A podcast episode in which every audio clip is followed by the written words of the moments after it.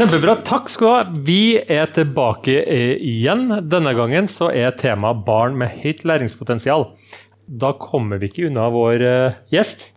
Bård, kan, kan, ikke du introdusere deg sjøl til kamera? Bård Knutsen. Jeg er førsteamanuensis ved Institutt for lærerutdanning her på NTNU. Og har forska litt på elever, og da kalte jeg dem elever med, nei, med høyt presterende elever, og ikke elever med stort læringspotensial. Okay. Og det kommer vi kanskje litt tilbake til i samtalen videre. Altså denne begrepsbruken. Men jeg tror det er en fin plass å begynne. Okay. Fordi at, for at, hva er det Altså det kan være folk som sitter der hjemme eller her, her som lurer hva, hva er det de snakker om? Hva betyr det? Er det folk som leser mange bøker, eller er det Ja, det, det er et um, De her elevene, eller denne elevgruppen som vi ofte snakker om, mm. det er jeg tror veldig mange tenker på dem som en ganske homogen, veldig spesiell elevgruppe. Som er veldig typisk. Mm. Eh, og det er kanskje blitt eh, liksom at det har utkrystallisert seg en sånn forståelse pga. at det har vært så uklart hva vi skal kalle dem. Mm. Det, har, det, er en forsker som har sett på hvor mange ulike definisjoner har vi egentlig for denne elevgruppen. Og han har funnet over 200 ulike definisjoner. Ja.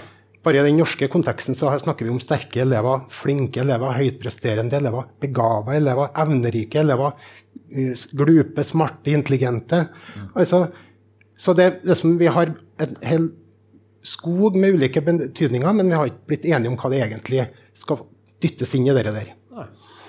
Og når vi snakker om den, denne elevgruppa, så blir det fort at vi tenker på dem som en ganske sånn homogen gruppe. Mm. Men så i 2016 så kom det en eh, norsk offentlig utredning som heter Mer å hente. Jøsendal-utvalget.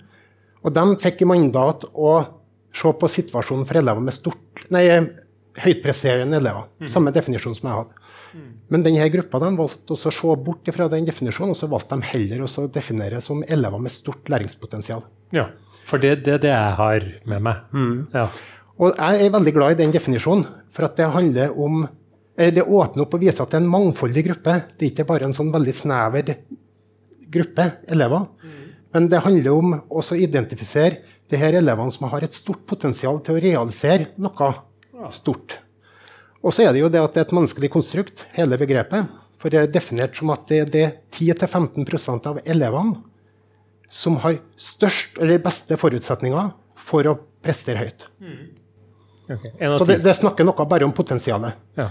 Også Innenfor denne gruppa igjen så har vi det med ekstraordinært læringspotensial. og Da snakker vi om 2-3% av elevene. Okay.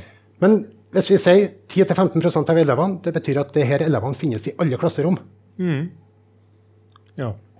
Så, Fordi at klasserommene i dag, de er ganske fulle. Nja, men eh, ja, vi snakker om 10-15 ja.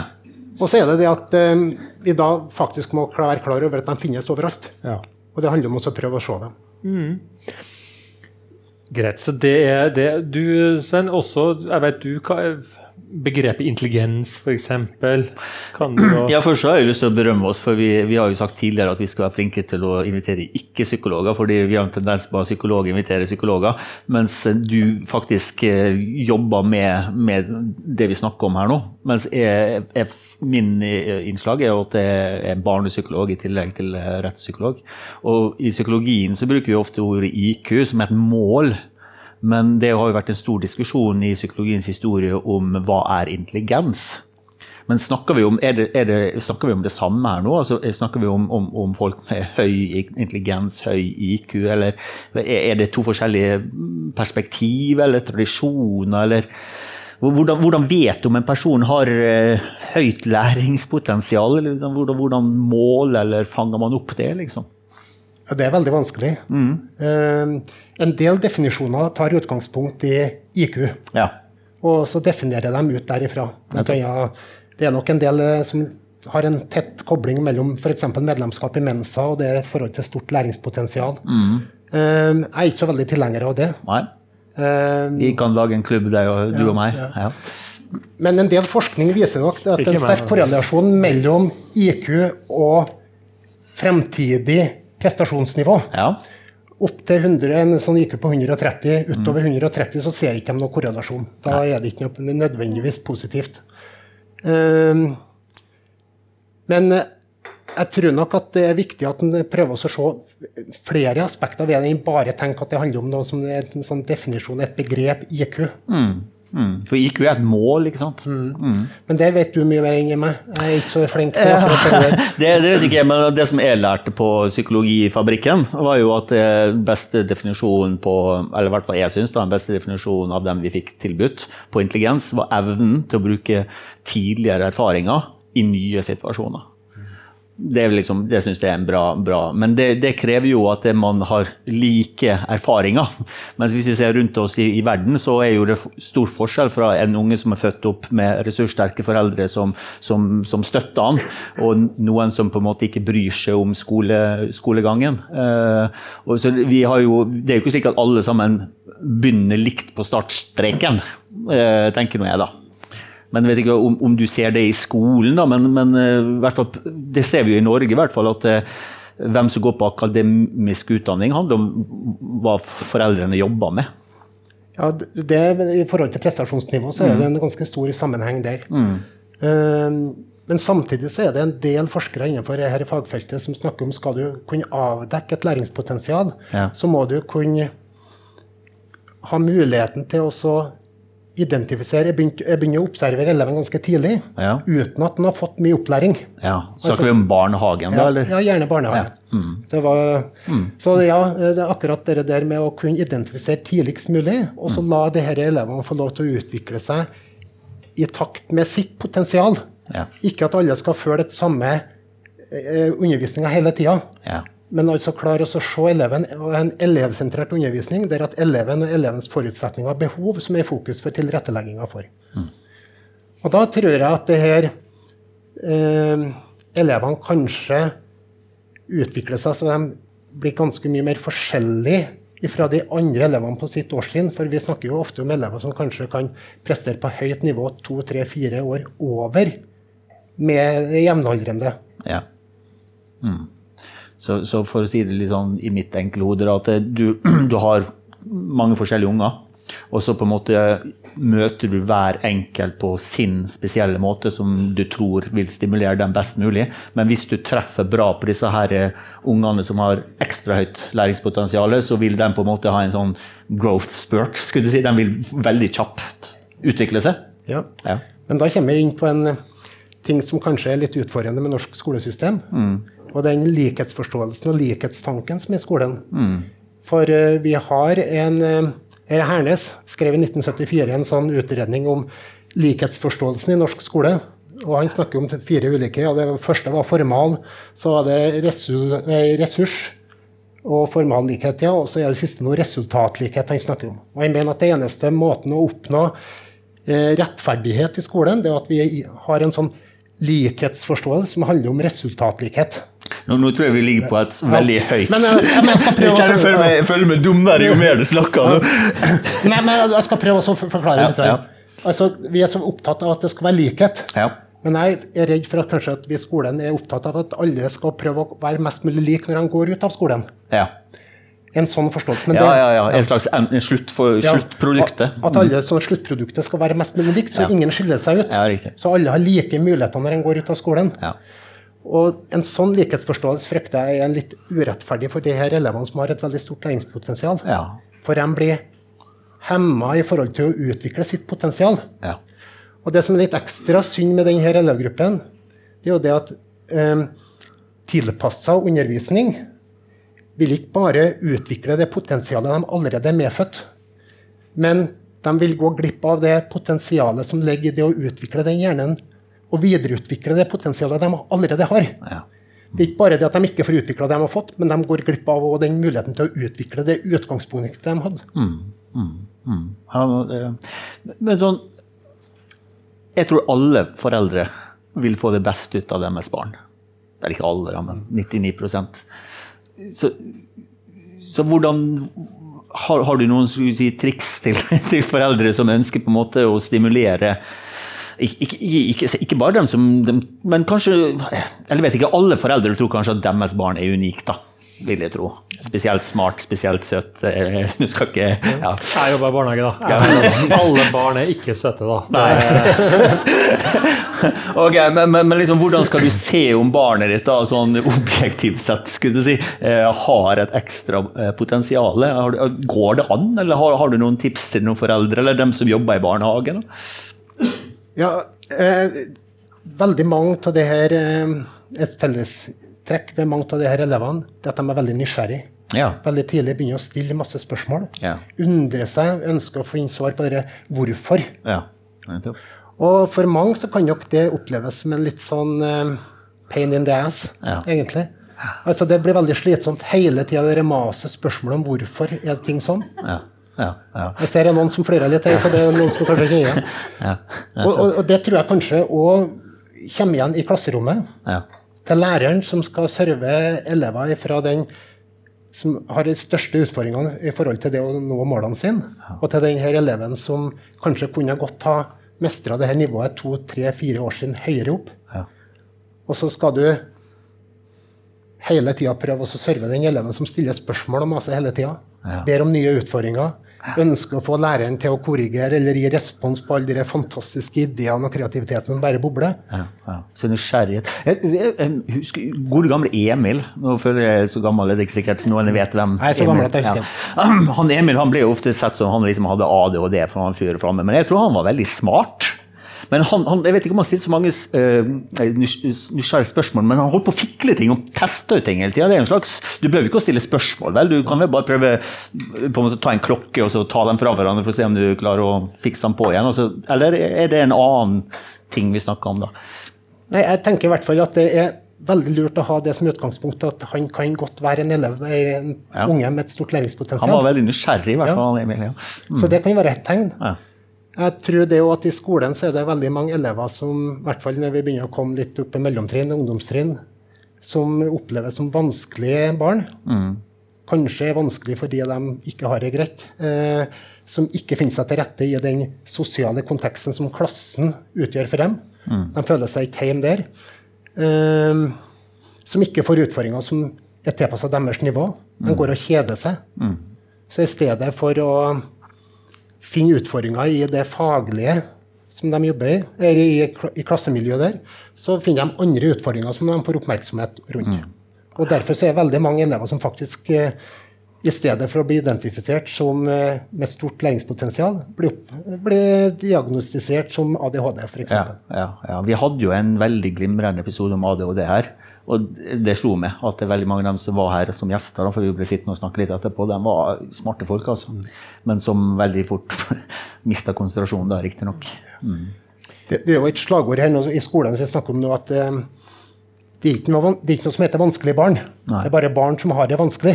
Ja, okay. Og nettopp det, det, å prøve å vri der og Når vi har barn som har det vanskelig, hvorfor har de det vanskelig? Kanskje det er pga. det læringspotensialet. Ja. Dette her er en episode der, der jeg har snakka mest, og han nesten ikke har kommet til ordet. ja. det, det, er supert, det. Jeg, jeg syns det er kjempespennende. Jeg sitter og tenker på litt sånn fra praksis. Jeg jobber jo nå eh, som kommunepsykolog i Malvik eh, og har møter veldig mange barn da, og ungdommer. Og så har jeg møtt ei da på, på eh, ungdomsskolen som jeg mistenker faktisk er en av de med høyt læringspotensial. Fordi at det her var um, ei jente da som Jeg tror bare hun har sust gjennom alt. Det, har, det har ikke krevd noen ting av henne. Mm. Uh, og hun har liksom tatt alt. Hun har ikke trengt gjort lekser, kan bare ta det litt på sparket til meg. Kommer i 8.-9. klasse da begynner det å, å, dra seg til, for da begynner det å bli vanskelig. Uh, Utfordringa hennes er det at hun har jo aldri lært seg noe studieteknikk. Mm. Hun har jo aldri liksom måttet blitt utfordra på noe. sånn at når da den faktiske um, utfordringa kommer, så mm. kjempevanskelig, og ender opp da i, i samtaler med psykologen. Hva var det egentlig som skjedde nå? Mm. Uh, så det syns jeg også var litt sånn spennende at nå det sparker litt bein på henne. Mm. Noe som i utgangspunktet skal være et stort potensial, noe som hun kunne liksom bygge på. Uh, og så har hun ikke blitt sett, da. Um, mm, så nei, så det var bare Det, det, det ligner jo litt på det som vi før kalte sånn russepresidentsyndromet. Og det er jo ja. Det er et vel verdenskjent uh, akademisk uh, begrep. ja, som det heter på ja. Roos, Roos President. Ja. Øverland 2022 er referansen.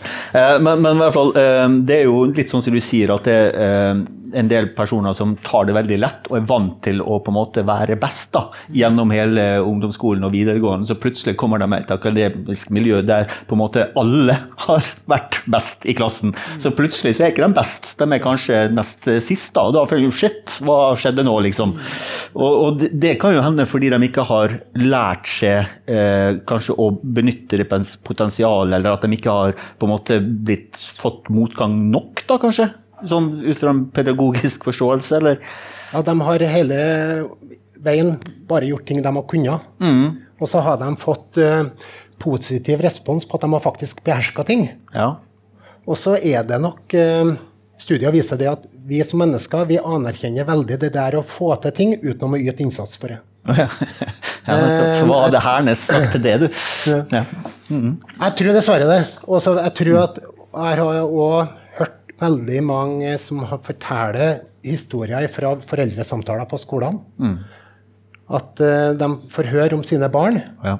At uh, de er så heldige, de her barna, for de behøver jo ikke å jobbe nå. Nei. Og i utgangspunktet så høres det jo fantastisk uh, positivt ut. Men jeg tenker det at læring det krever hardt arbeid. Mm. Og hvis en elev kan gå gjennom hele skolegangen uten at han må jobbe, mm. så har skolen feila. Ja. For da har denne eleven kunnet alt fra før. Han har ikke lært noe nytt. Mm. Og en elev som hele tida klarer å løse ting uten å jobbe for det, mm. han vil etter hvert etablere og utvikle en forståelse av at jeg er så smart mm. at jeg behøver ikke jobbe. Ja. Altså Pga. intellektet mitt så klarer jeg å løse alle ting.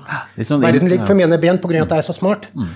Og så etter hvert som man identifiserer seg som klassens beste, og så kommer en til utfordringa der at en virkelig sliter. Er, det vanlig? skulle jeg si? Er det, ja? Mm. det er veldig vanlig. Ja. Og um, på NTNU så ser vi det, de som har gått på skolen og vært klassens beste i alle år. Mm. Og så kommer de um, på NTNU, mm. og som du nevnte NTNU-syndromet kan vi begynne ja. kalle. Ja. Jeg tror nesten det er en veldig så bra uh, definisjon, og spesielt på sivilingeniørstudiet. Ja. Og oppdager at de hører til den dårligste halvdelen av ja. de her elevene. Ja.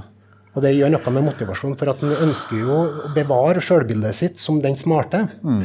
Så da i stedet for å faktisk legge arbeidsinnsats i det og risikere at du mislykkes sjøl om du gjør en innsats, så er det bare ett svar igjen, det er at jeg er dum. Og da er det bedre å hoppe av. Ja. Uh, og dere vil snakke om dere, her, en mangfoldig gruppe. Uh, vi har bedt som nei, det er noen forskere som har uh, prøvd å beskrive denne elevgruppen med ulike, nei, seks ulike elevtyper. Og det er to suksessfulle. Det er den suksessfulle, den som er høytpresterende. Alle liker læreren, for han gjør akkurat det han må. Han har knekt skolekoden, vet akkurat hva som skal til for at jeg oppnår beste resultat. Og er godt likt, for han, læreren han eh, får bekreftelse på at jeg har vært en flink lærer. Så det er en suveren. Godt likt av elevene, for han klarer å få til ting uten å jobbe for det. Den andre typen det er den eh, sjøldisiplinerte. Veldig høy egen, eh, indre motivert, jobber hardt. Men han kan òg bli for forklart Det er ikke noe rart at han gjør det bra, for han jobber så hardt. Men han får ikke anerkjennelse for at han jobber mye. For at den skulle jo helst ha gjort det uten. Mm. Han fyska liksom? Ja, litt. For, altså, det skulle bare mangle, for han jobber jo seg nesten i hjel. Så vi liksom degraderer den betydningen av jobb, arbeidsinnsats. Og jeg tenker jo at Arbeid er det viktigste for å utvikle potensialet. Ja, altså, fra psykologien vet vi at Selvdisiplin er jo en av de mest suksessfaktorene for å gjøre det bra i livet. Mm. Og så har vi de andre typene. Det er den som er dobbelt eh, eksepsjonell, som vi snakker om. Altså dem som har en, gjerne en eh, lærevanske. Ja, oh ja, men, men, det er med på å kamuflere det her potensialet. Okay. For eksempel, ja. For at hvis du har lære, lærevansker kombinert med det å ha høyt læringspotensial, så vil ikke du bli oppdaga og identifisert. F.eks. har du fått lydbøker fått andre måter til å tilegne deg stoffet på enn at du må lese hvis du har et eh, problem med å lese. Så ville du kunne fått visst det på andre måter. Du har den som er den utfordrende, som er irritert på hele systemet, for han blir ikke sett. Så han oppnår en sånn sinne mot skolen. Du har drop-out-eleven, studier viser at opptil 30% av dem som dropper ut fra videregående skoler, er elever med stort læringspotensial. Det er et paradoks. Mm. Mm. Mm. Og den skjulte, som ofte er jenter når de kommer i 14-15-årsalderen, som har et sterkt ønske om å tilhøre en spesiell sosial gruppe på skolen. Men den sosiale gruppa er ikke, det, den er ikke i overenskomst med at du har den rollen som klassens flinke. Og jeg har snakka med flere tidligere, nå da voksne personer som bevisst har valgt å skrive feil på prøver, for at de ønska ikke å bli identifisert og sett på som den flinke eleven i klassen. Sånn var det på Sunnmøre når jeg vokste opp. Ja, du slet med samme, du òg? Ja, jeg skal være forsiktig og snakke om meg sjøl, men det, det, var slik at du, du, du skulle, hvis du gjorde det bra på skolen, så, vis, så prøvde du å skjule karakterbøkene og ikke snakke om det. Eh, fordi man, det man skulle, skulle være flink til å slåss og drikke mye, og da var du en dust eller noe verre hvis du hvis det var sånn. Men tilbake til det der med, med, med, med hva skal foreldre gjøre for å, for, for, å, hjelpe til. da, for det, vi, nå, snakker, det, nå ble liksom veldig sånn problem, problem her, men det å gjenkjenne det, kanskje den typen er en fin start. Men hva skal en foreldre gjøre, hva skal man gjøre i barnehagen? Vil det bare være så enkelt som at du må lære deg den forskjellige eh, på en måte, typene, og så sette inn tiltak som er tilpassa til hver enkelt? Eller hva, hva, gjør man, liksom? Jeg, jeg tror at det veldig vanskelig å si det at hvis du bare kjenner til de seks typene som dere forskerne har beskrevet, så klarer du å identifisere den. Det tror jeg ikke er så enkelt. Nei, det er ikke så enkelt. Eh, for at det her er en like mangfoldig elevgruppe som i alle andre elevgrupper. Ja. Og vi snakker, sier det litt sånn på spøk at har du sett én, så har du kun sett én. Ja.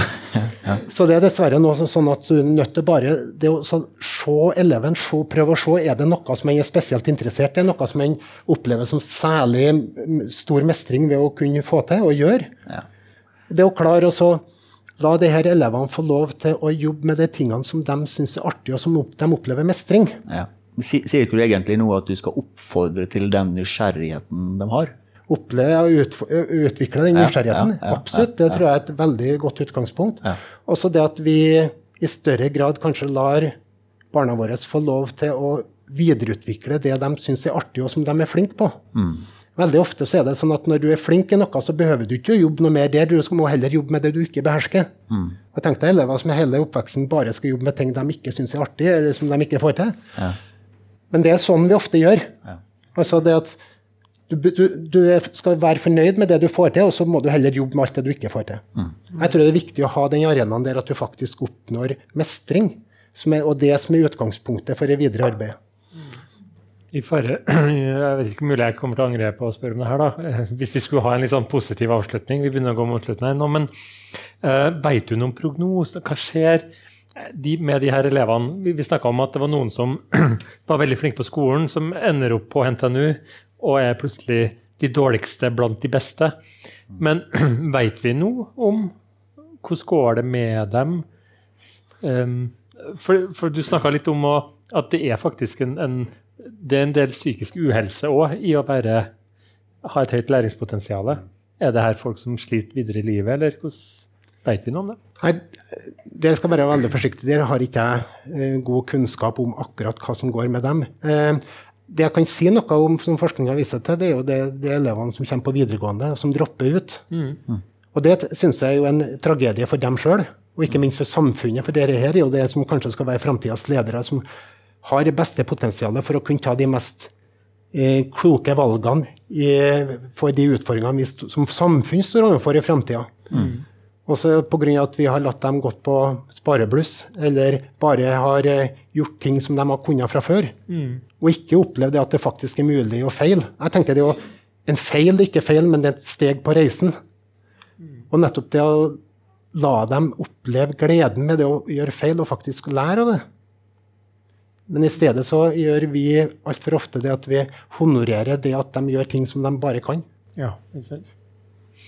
Ikke sant? Um, vi begynner å gå mot slutten. Er det noe vi ikke har snakka om, du som, du som, ser feltet litt sånn på en annen vinkel enn oss, er det noe vi ikke har snakka om? Vi, vi snakka litt med deg tidligere. Du nevnte um, et eksempel fra Washington State. Nå husker ikke jeg farta. Ja. Tenker du det passer nå mot slutten? Ja, det kan eh, godt være. Og jeg bare har lyst til å pakke inn det litt hvis ja. jeg har litt tid. Derfor at Vi har jo snakka litt om hva en skal gjøre i skolen. Jeg snakka allerede om det her er læreren som står overfor det mangfoldige klasserommet. Mm. Det samholdte klasserommet som vi har, som skal gjenspeile uh, det som mangfoldet i samfunnet for øvrig. Mm. Og så står du der som lærer, og så har du 25-30 elever, og så har du fra den eleven som sliter, og har du den eleven som født, eneste felles de har, det er at de er født på samme år. Ja. og så er det kjempestor forskjell i motivasjon, kjempestor forskjell i forutsetninger. Og så skal du som lærer klare å serve og treffe de alle her. Du skal klare å se alle dette her. Du skal prøve å identifisere et læringspotensial. Du skal prøve å møte de her elevene sine behov. Ekstremt krevende og utfordrende for læreren. Og I tillegg så har det ikke vært i lærerutdanningene før, så de har egentlig ikke med seg en ballast som de her lærerne som gjør det mulig å identifisere. Mm. Og jeg tenker det at, og så er det det at vi i norsk skole er veldig opptatt av at vi skal bare ha pedagogisk differensiering. Organisatorisk differensiering og tenke på hvordan vi kan gruppe disse elevene. Er det kanskje i enkelte tilfeller lurt å sette dem som er lik motivasjon i en gruppe? Eller skal vi på alle gruppearbeid i skolen så skal vi sette denne eleven med stort læringspotensial sammen med et par middels og en som sliter veldig, så skal denne her være hjelpelærer og hjelpe alle disse elevene? Resultatet er at vi får disse elevene når de er ferdige på skolen, så hater de gruppearbeid for at de har lært to pluss to blir tre og ikke fem. Mm. Altså, De opplever bare det å gruppearbeid det vil være bare til ulempe for meg. Jeg utvikler meg ikke nå. Og Da skal jeg prøve å avslutte med dere der til Transition School, University of Washington, Seattle. Der har de et bygning inn på selve campus, Transition School. Hvert år tar de inn 14-15 elever i alderen 11 til 13 år. Der går disse elevene ett år, og så begynner de rett på universitetet etterpå. Når jeg var der, så det som fikk vi, var de invitert inn noen eh, elever, tidligere elever. Og Der var det en 19-åring, tatt doktorgrad. Han jobba på to hjerneforskningsprosjekt. Og så spør jeg liksom, ja, liksom, hvordan syns du det var å gå på denne skolen. Han sa at for, for første gang følte han at han kom hjem. Mm. Det er en ekstrem form for organisatorisk differensiering. At du tar dem ut av skolen og gir dem et Og han sa kom hjem. Han, der opplevde han et sosialt fellesskap.